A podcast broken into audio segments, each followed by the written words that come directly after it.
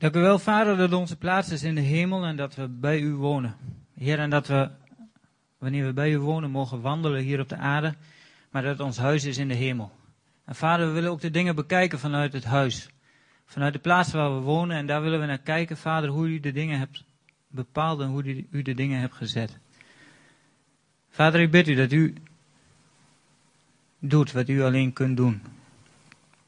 Ja, dank u wel dat we mogen gaan in gehoorzaamheid en dat ik mag spreken deze dag. Vader, en ik wil graag doen wat ik kan doen, zodat u kunt doen wat u alleen kunt doen.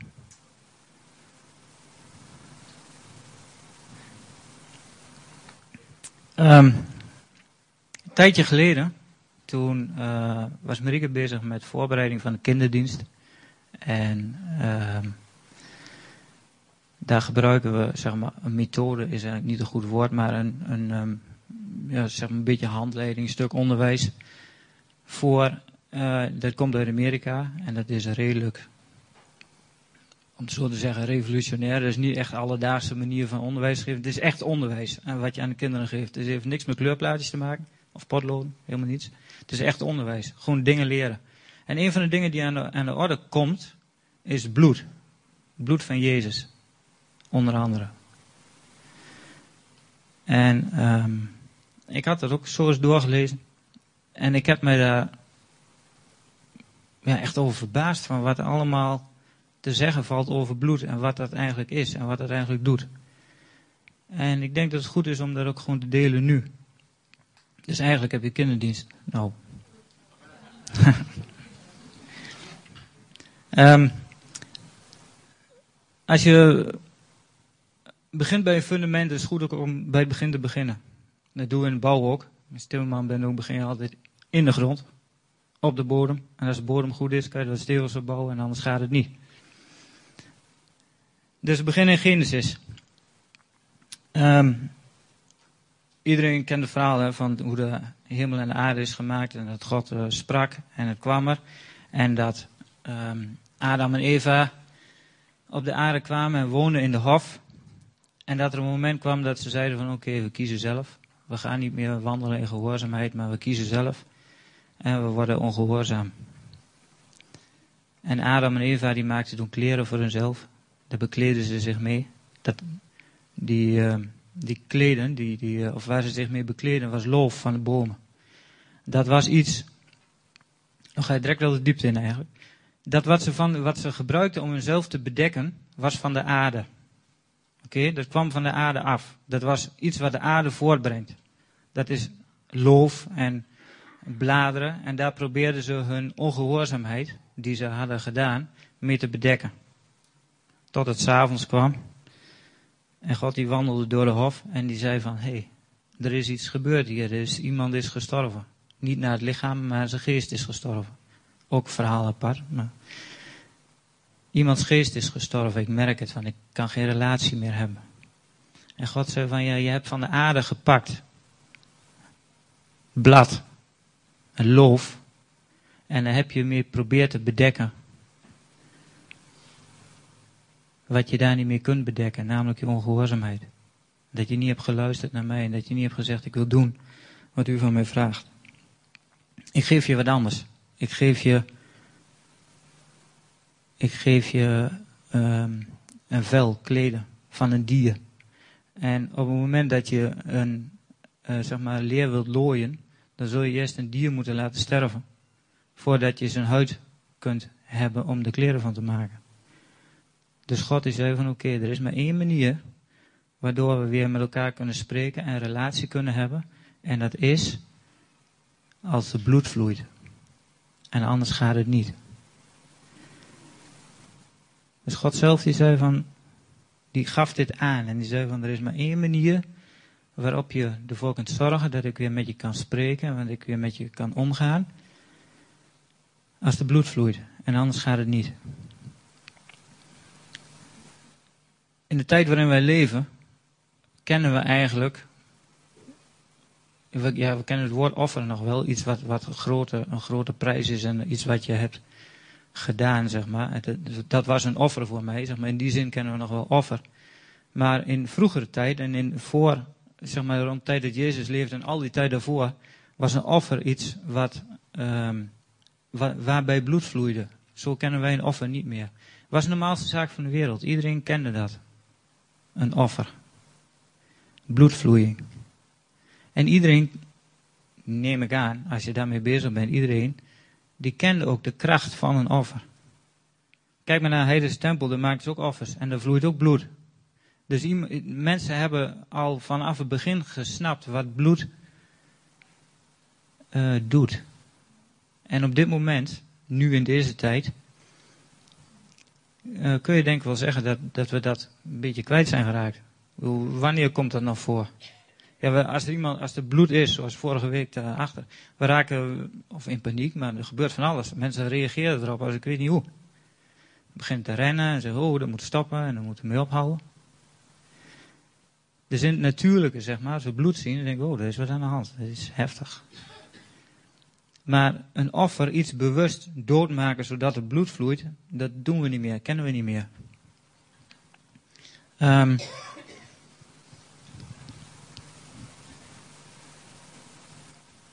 dus Adam en Eva, die werden bedekt door een huid en die konden weer naar God toe gaan. Hun lichaam, hun, hun, hun, hun body werd bedekt. Hun geest en hun ziel niet. En dat zal ik zo meteen in tekst verzoeken. Dan wordt het wat duidelijk wat het verschil is. Dus hun, er was een, na, na wat hun gedaan hebben, was er een bedekking door het bloed van het beest wat gestorven was, wat God had laten sterven om kleren te maken voor hun. Eentje verderop, Genesis 4, komt Kain en Abel. Kain die, uh, was de eerste mens, voor zover tenminste de Bijbel zegt, was in ieder geval de eerste mens die een ander vermoord heeft die een ander mens vermoord heeft. En dat is niet de bedoeling. Wij zijn gemaakt naar het beeld van God.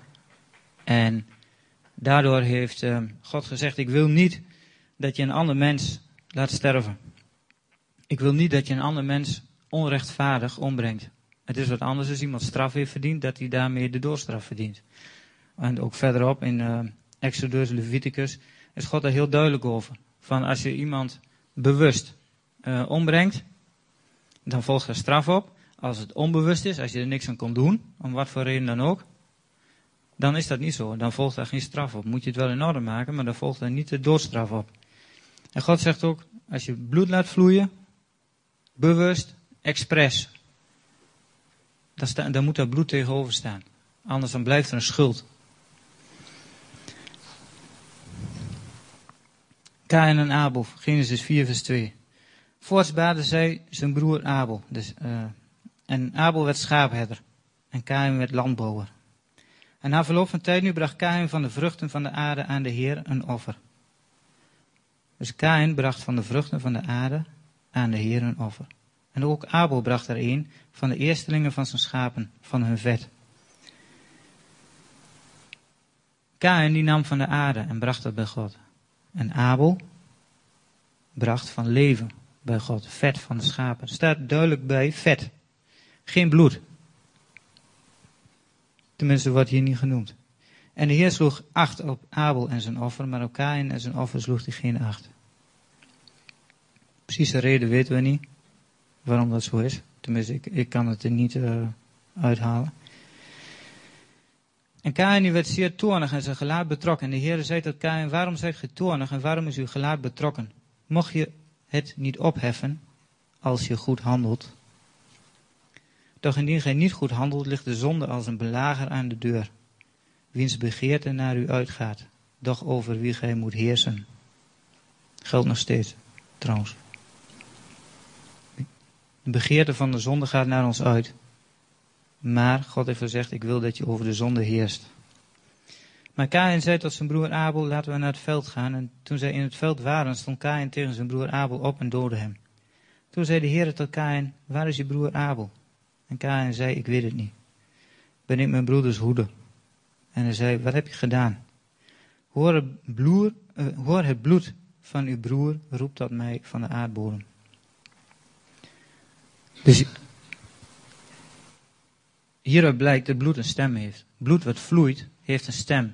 En het kan, het kan in ieder geval twee dingen zeggen. Het kan zeggen, ik ben onschuldig vergoten. Ik ben um, onschuldig doodgemaakt. Of ik kan zeggen, oké, ik had schuld en ik ben vermoord. Dus er zijn twee kansen.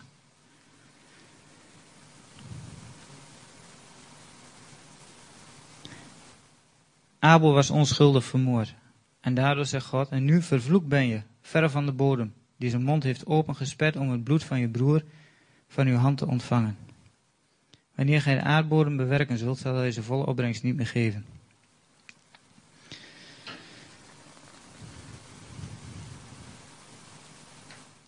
Dus het bloed van Abel dat sprak en het bloed van Abel is blijven spreken, want Jezus zegt op een gegeven moment, van het bloed van alle rechtvaardigen, dat zal op jullie hoofd komen, heeft dan tegen het volk Israël. En het geldt vanaf Abel tot aan een man die vermoord is tussen het tempelhuis en de tempel, staat ergens in Matthäus. De precieze tekst weet ik zo niet uit het hoofd. Maar God zegt dus, wanneer je bloed laat vloeien, van een rechtvaardige, heb je een probleem met mij.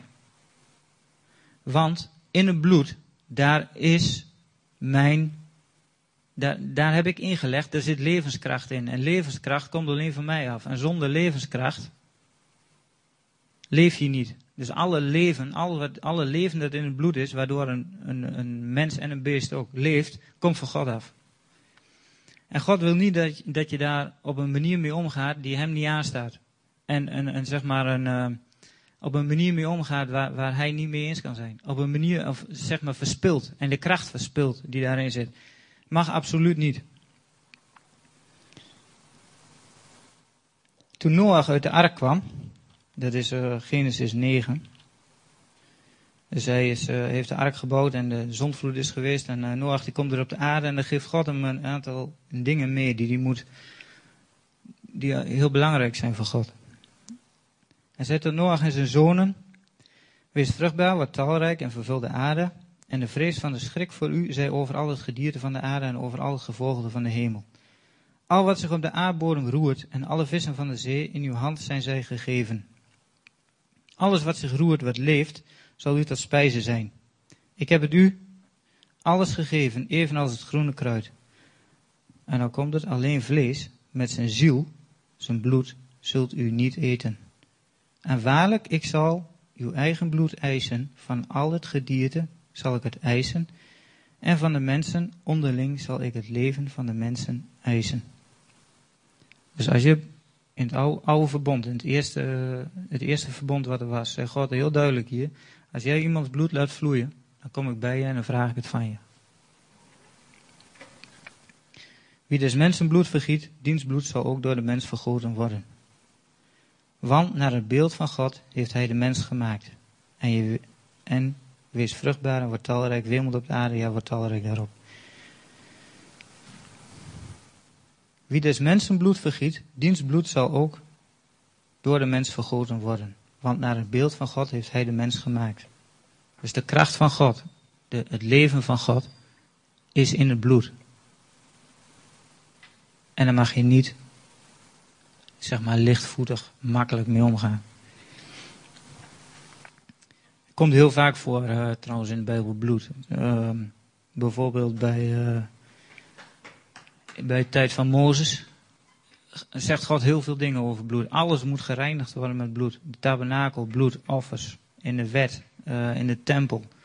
Um, iedere keer komt er bloed voor. Uitdacht uit Egypte bloed aan de deurpost. En God die zegt daarvan, daar waar ik bloed zie, daar zal ik aan voorbij gaan. Daar zal ik niet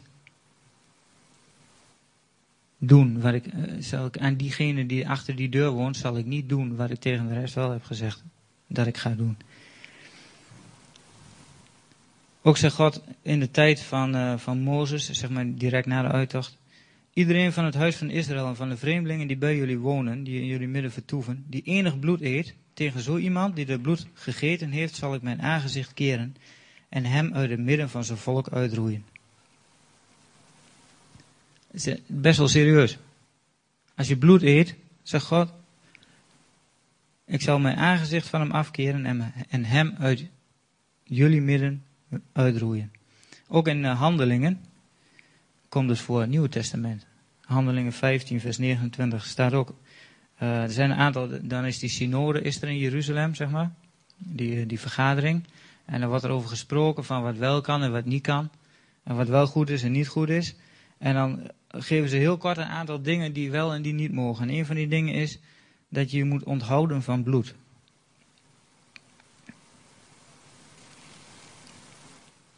Wat is, er dan, wat, is, wat is dan zo speciaal aan het bloed? Dat, dat, dat God zegt van, um, ik wil niet dat je daar makkelijk mee omgaat. En, en licht mee handelt.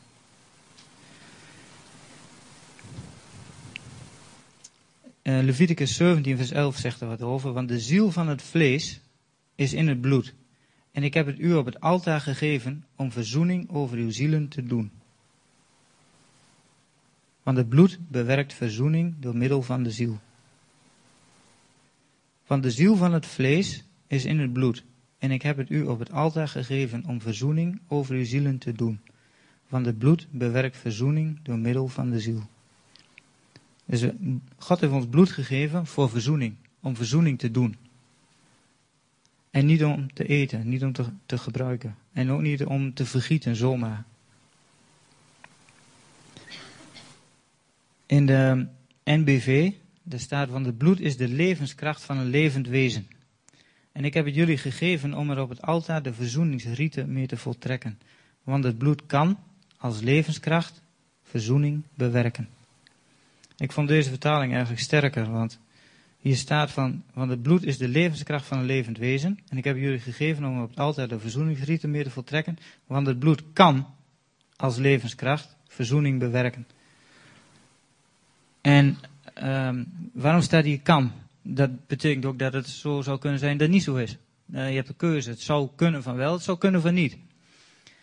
Het verschil zit hem erin. Als je gelooft dat het bloed verzoening doet, dan brengt het bloed verzoening. Als je niet gelooft in het bloed, brengt het ook geen verzoening.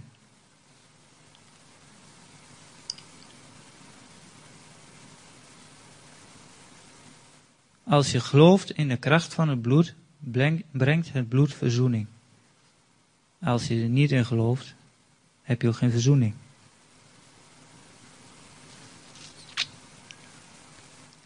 Dus als iemand, er loopt iemand over straat en die spreekt je aan en zegt van, hé, hey, ik wil met je spreken over Jezus. Als iemand erover wil spreken, dan moet hij eerst weten van, ik heb een probleem. Er is, ik heb verzoening nodig. Moet, hij moet al weten dat God bestaat. Hij moet weten dat hij een probleem heeft, dat hij niet verzoend is met God. En hij moet weten dat hij wat er nodig is voor verzoening. En God heeft gezegd, ik geef je bloed om verzoening te bewerkstelligen. Verzoening is, volgens het woordenboek, zegt verzoening is genoegdoening geven. En weer tot vrede en vriendschap brengen. Goed maken. En de mooiste vond ik eigenlijk de tegenstelling te niet doen. Verzoening is de tegenstelling te niet doen. Dus als je, als je wil dat het bloed werkt voor jou, moet je weten dat er een tegenstelling is. Dan moet je weten dat er, dat er, dat er een tegenstelling is tussen jou en God. Tussen God en jou. En dan moet je weten, dat is gewoon kennis. Dat, dat heeft niks met geloof te maken, dat is gewoon kennis. Oké, er is een verschil tussen God en mij. En er is iets dat ik niet bij God kan komen. En, en dat Hij niet dicht bij mij kan komen. En om dat verschil weg te maken, is de bloed nodig. Dat is gewoon wat God zegt.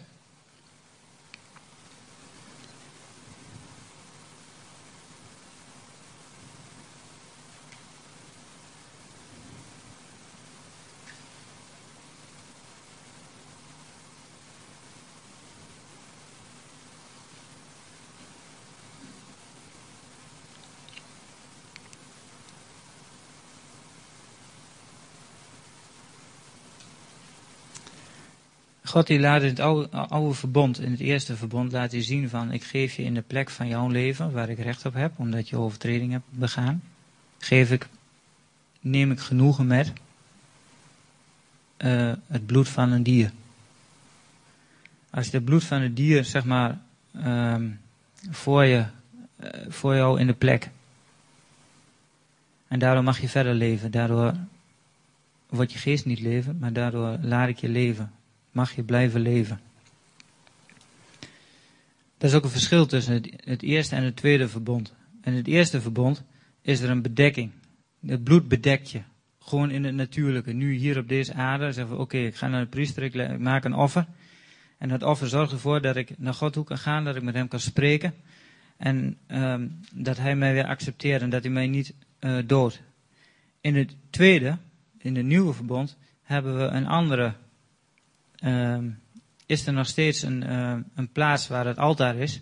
Is er nog steeds een plaats um, waar al deze dingen zijn? Want God zei tegen Mozes van, ik wil dat je de tabernakel maakt zoals ik hem je laat zien. Dus Mozes die, die was op de berg en God liet hem die dingen zien in de hemel. Zeg van, in de hemel is dus een, is dus een tabernakel, is een brandofferaltaar, is, een, is zijn al die dingen die zijn daar. En ik wil dat je dat zo maakt, zoals je het hier ziet. Precies hetzelfde. Dus in het eerste verbond, dat, dat heeft gefunctioneerd hier op de aarde. En dat had ook de kracht hier op de aarde. En nu op dit moment hebben we een andere hoge priester. En dat is Jezus. En er staat een heel gedeelte in, in uh, Hebreeën, spreekt daarover.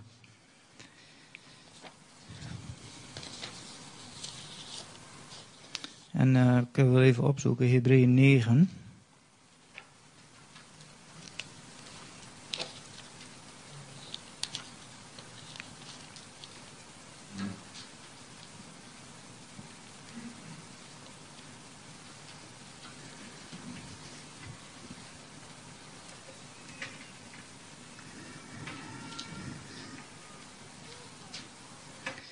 Maar Christus opgetreden als hoge priester van de goederen die gekomen zijn. Oh, vers 11, 9 vers 11.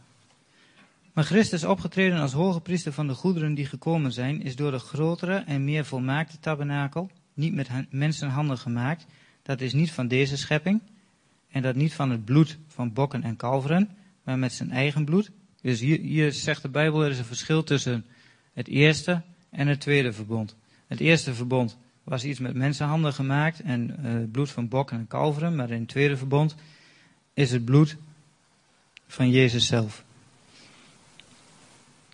Hij is voor eens en altijd binnengegaan in het heiligdom, waardoor hij een eeuwige verlossing verwierf. Het bloed van Jezus is het bloed van God zelf, want hij is zoon van God. Dus het bloed van Jezus is uiteraard ook veel krachtiger dan het bloed van, van uh, bokken en kalveren. Het bloed van Jezus zorgt ook niet voor een bedekking, maar zorgt voor een verlossing. Dat is een heel groot verschil. Het bloed van Jezus zorgt ervoor dat we verlost worden. Dat, er, dat we een andere status hebben. Het bloed van kalveren en bokken moet iedere keer overnieuw. Iedere keer weer, iedere keer weer. En er zijn vele, vele, vele uh, dieren zijn er, zeg maar, uh, geofferd. Heel veel.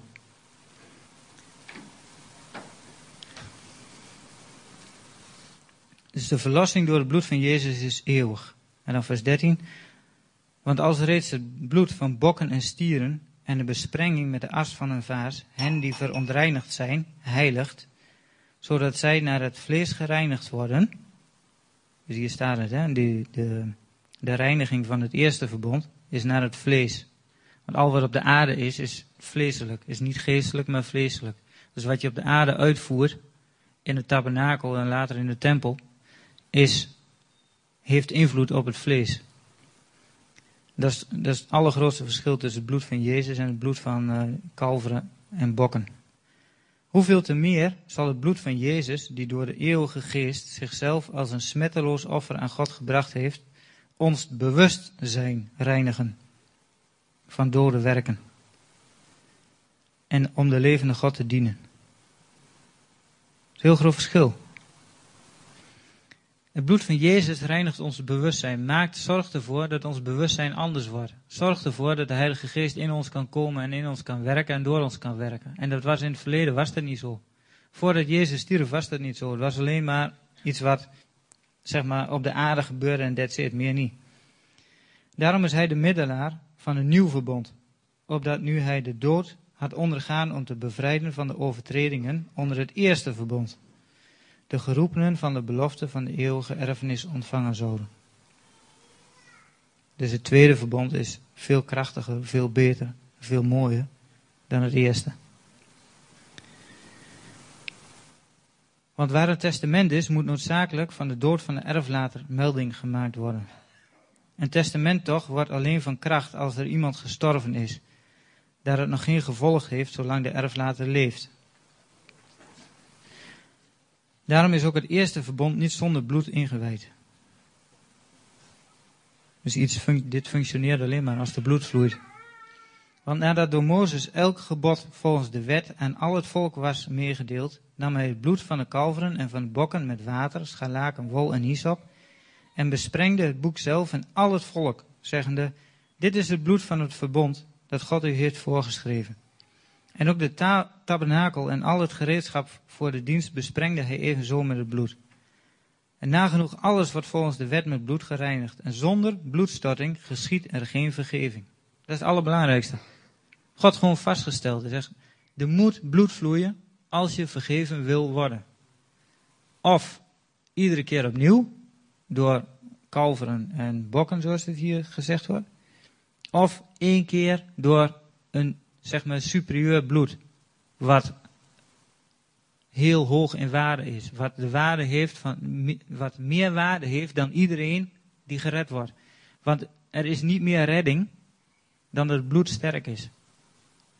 Zeg maar, één zonde staat in verhouding tot één beest wat geslacht wordt, om het zo maar te zeggen.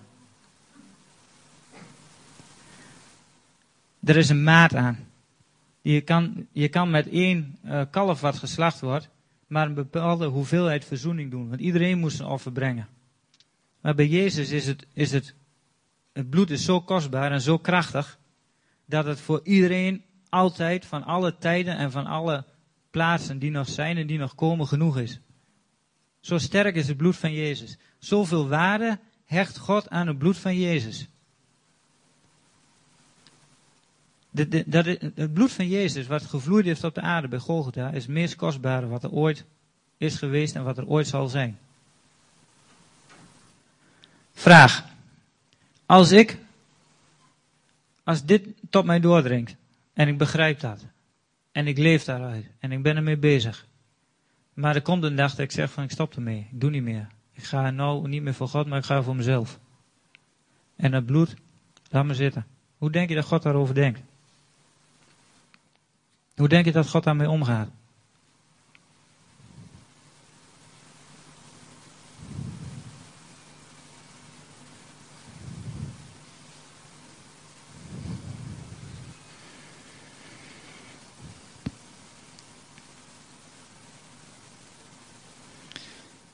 Oké, dus oude, oude deel, eerste verbond, alle dingen worden volgens de wet met bloed gereinigd. En zonder bloedstorting geschiet er geen vergeving.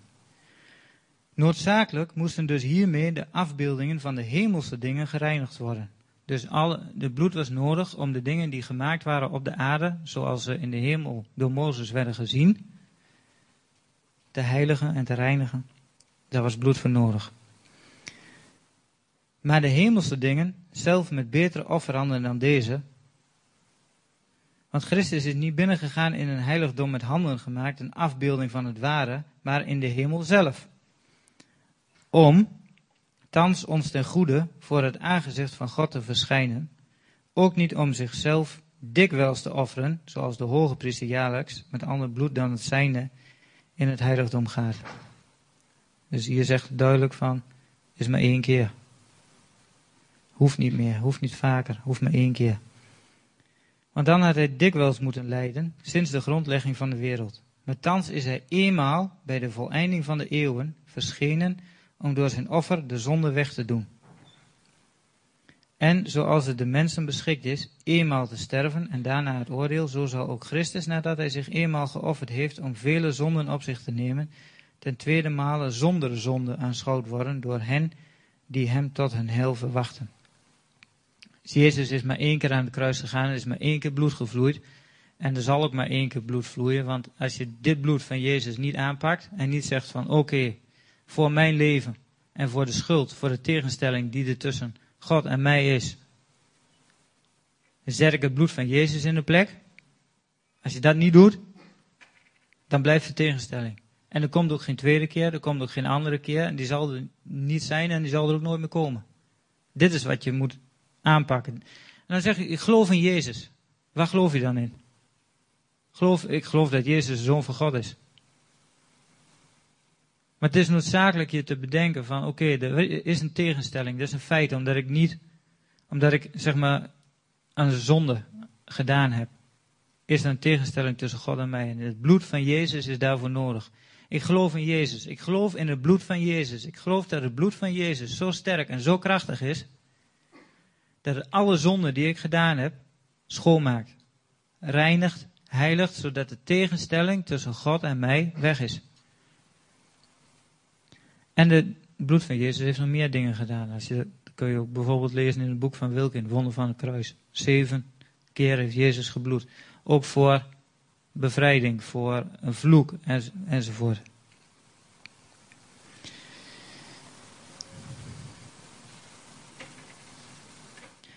Wat mij ook uh, opviel.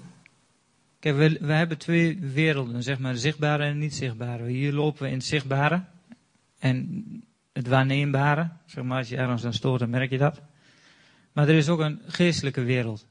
En bloed is iets wat in het natuurlijke is, wat hier is, maar wat heel veel doet in het geestelijke. Ik denk dat bloed het, um, zeg maar, uh, de substantie is die het meeste invloed heeft, zowel hier als in de geestelijke wereld.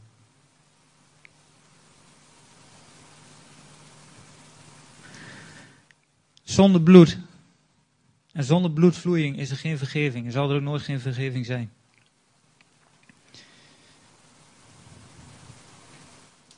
In de hemel, nu op dit moment, is er, is er een plaats waar het bloed van Jezus geplengd is geworden.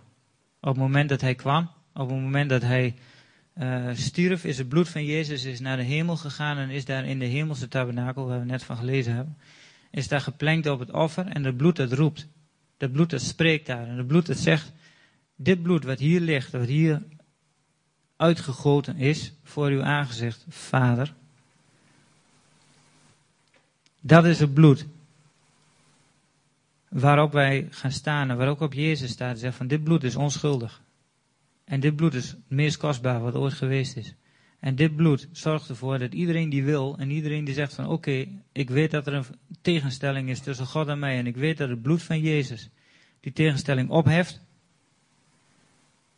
die mag erop gaan staan. Die, daardoor kun je naar de Vader gaan, anders niet, anders gaat het niet. Het is belangrijk om je daar heel bewust van te zijn van, en te weten van hoe die dingen in elkaar zitten. Want je, je geloof, kijk, als je weet wie je bent, dan praat makkelijk. Als ik weet hoe dingen in elkaar zitten, kan er iemand bij me komen en zeggen van ja, hey, uh, moet je luisteren, dat zit zo en zo en zo en daar en daar, uh, dat werkt. Nee, dat is niet zo, want het zit zo en zo in elkaar. Zo werkt het. En zo is het. Hoe weet je dat? Ja, dat is mijn kennis en ik heb het ervaren of ik heb het gezien, meegemaakt. Daardoor weet ik dat het zo is. Als je het niet hebt, als je niet, niet bewust bent, als je niet zeker bent van het bloed van Jezus,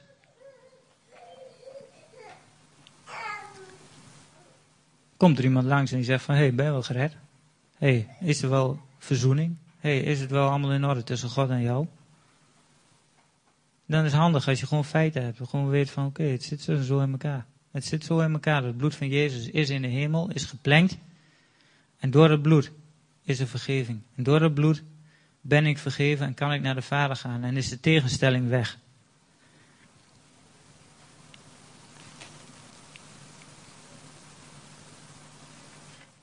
En vader, wil u danken voor uw bloed. Voor het bloed van Jezus. Wil u danken, vader, dat u het bloed van Jezus hebt gegeven op de aarde, vader. Zodat we hier op dit moment naar uw troon kunnen gaan. Dat we op dit moment, vader, kunnen spreken met u en kunnen delen met u, vader. Dat we op dit moment in uw aanwezigheid mogen zijn en mogen wandelen bij u. Alleen door bloed. Alleen door bloed is vergeving van zonde. Alleen door bloed is er redding mogelijk. Alleen door bloed. Vader, ik bid u dat we meer zullen zien van wat bloed doet in ons leven. Ik bid, Vader, dat we zullen zien van de kracht van het bloed van Jezus. Ik bid, Vader, dat wanneer we niet weten wie u bent en niet weten wat u hebt gedaan, Jezus, dat we zullen beseffen dat we uw bloed nodig hebben.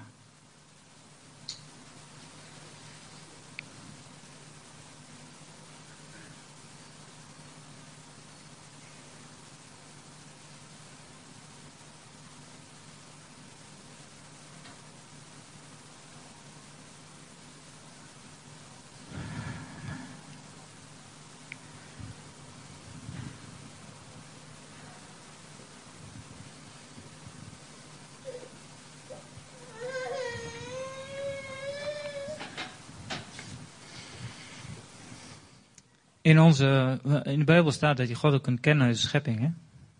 En in ons eigen lichaam, daar is ook bloed. En omdat het zo is dat we God kunnen kennen uit de schepping, betekent dat automatisch dat in ons bloed, ehm, dat we daar kunnen herkennen hoe de dingen in elkaar zitten. Want ons bloed gaat zeg maar weg van het hart, vol van zuurstof, en gaat naar iedere cel, komt op iedere plek volgens uh, wat ik gelezen heb, is dat er, dat er in ons lichaam 95.000 kilometer bloedvaart zit. Ik weet niet of 95.000 kilometer is, maar als 1000 is, vind ik nog veel. Alle bloed komt op iedere plek, in iedere cel.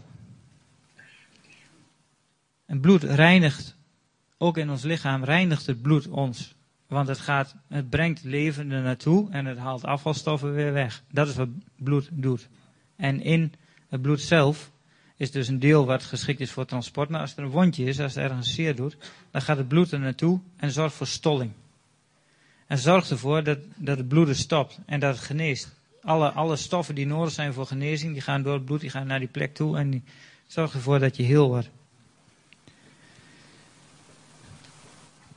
Dat is, daaruit kun je zien hoe het functioneert en hoe het werkt.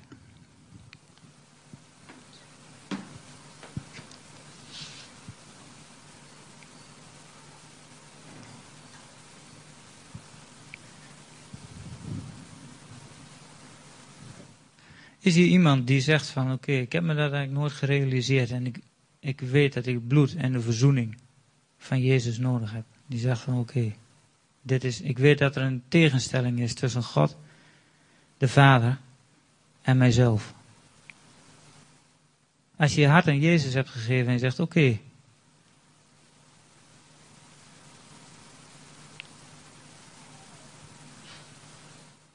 ik wil leven voor Jezus en ik wil uh, met hem verder gaan. Maar ik ben me nooit bewust geweest van die tegenstelling. Ik ben me nooit bewust geweest dat het bloed voor nodig was. Dan wil ik gewoon aan je vragen of je hiervoor wil komen. Dan willen we voor je bidden. Dan willen wij je gewoon bedekken met het bloed van Jezus. En niet een bedekking zoals in het eerste verbonden, in het eerste deel. Maar een bedekking met het bloed van Jezus, de reiniging van je bewustzijn. Dat je, dat je bewustzijn schoon wordt. Zoals dat nooit eerder heeft gekund voordat Jezus gekomen is.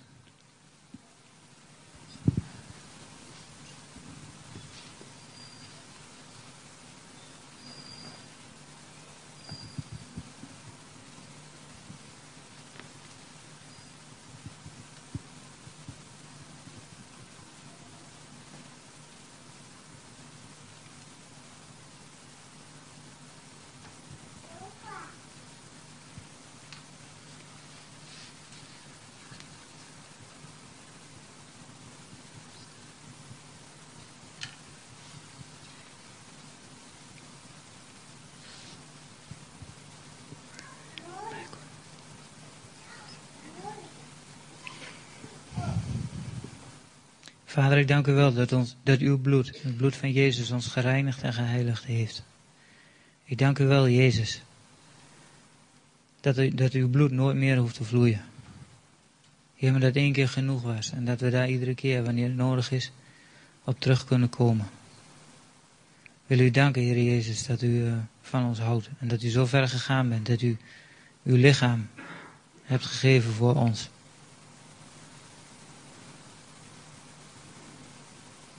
Vader,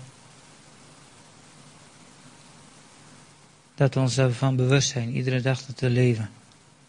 En iedere dag wanneer we spreken, iedere dag wanneer we rondwandelen hier op deze aarde. Altijd. In Jezus' naam. Amen.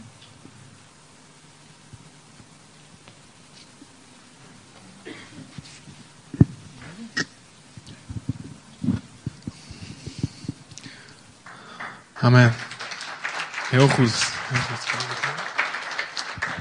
Amen. Ik moet zeggen, ik heb een puntje van mijn stoel gezeten de hele tijd. Dit is echt uh, Hebreeën 6. Daar staat um, van laten we nu het eerste onderwijs laten rusten, de fundamenten laten rusten. Laten we verder gaan naar wat vast voedsel om te kouwen. En dat is echt wat, wat daar, ja, hij heeft ook daarna uit de hoofdstukken die volgden veel gedeeld. Het heiligdom in de hemel, het heiligdom in de aarde functie van het bloed. En het is iets wat, waarvan uh, je, als je, ja, waar je echt op moet kouwen ook. Waar je echt de Heilige Geest moet toestaan van, Heer, hoe zit dit? En uh, ik denk dat Bert het echt heel goed gedeeld heeft. En ik denk ook dat het, uh, dat ook aan het einde de oproep die hij gedaan heeft, dat het goed is om ook dat dus misschien even te laten bezinken. En um, goed, het kan hier zijn dat je denkt dat je erachter komt, hé, hey, ik moet hier toch wat mee doen, dat Heilige Geest weer dingen laat zien. Dat kan ook thuis zijn, maar ik wil dat je dit heel serieus met je meeneemt. Laten we zingen, Heer, uw bloed het reinigt mij.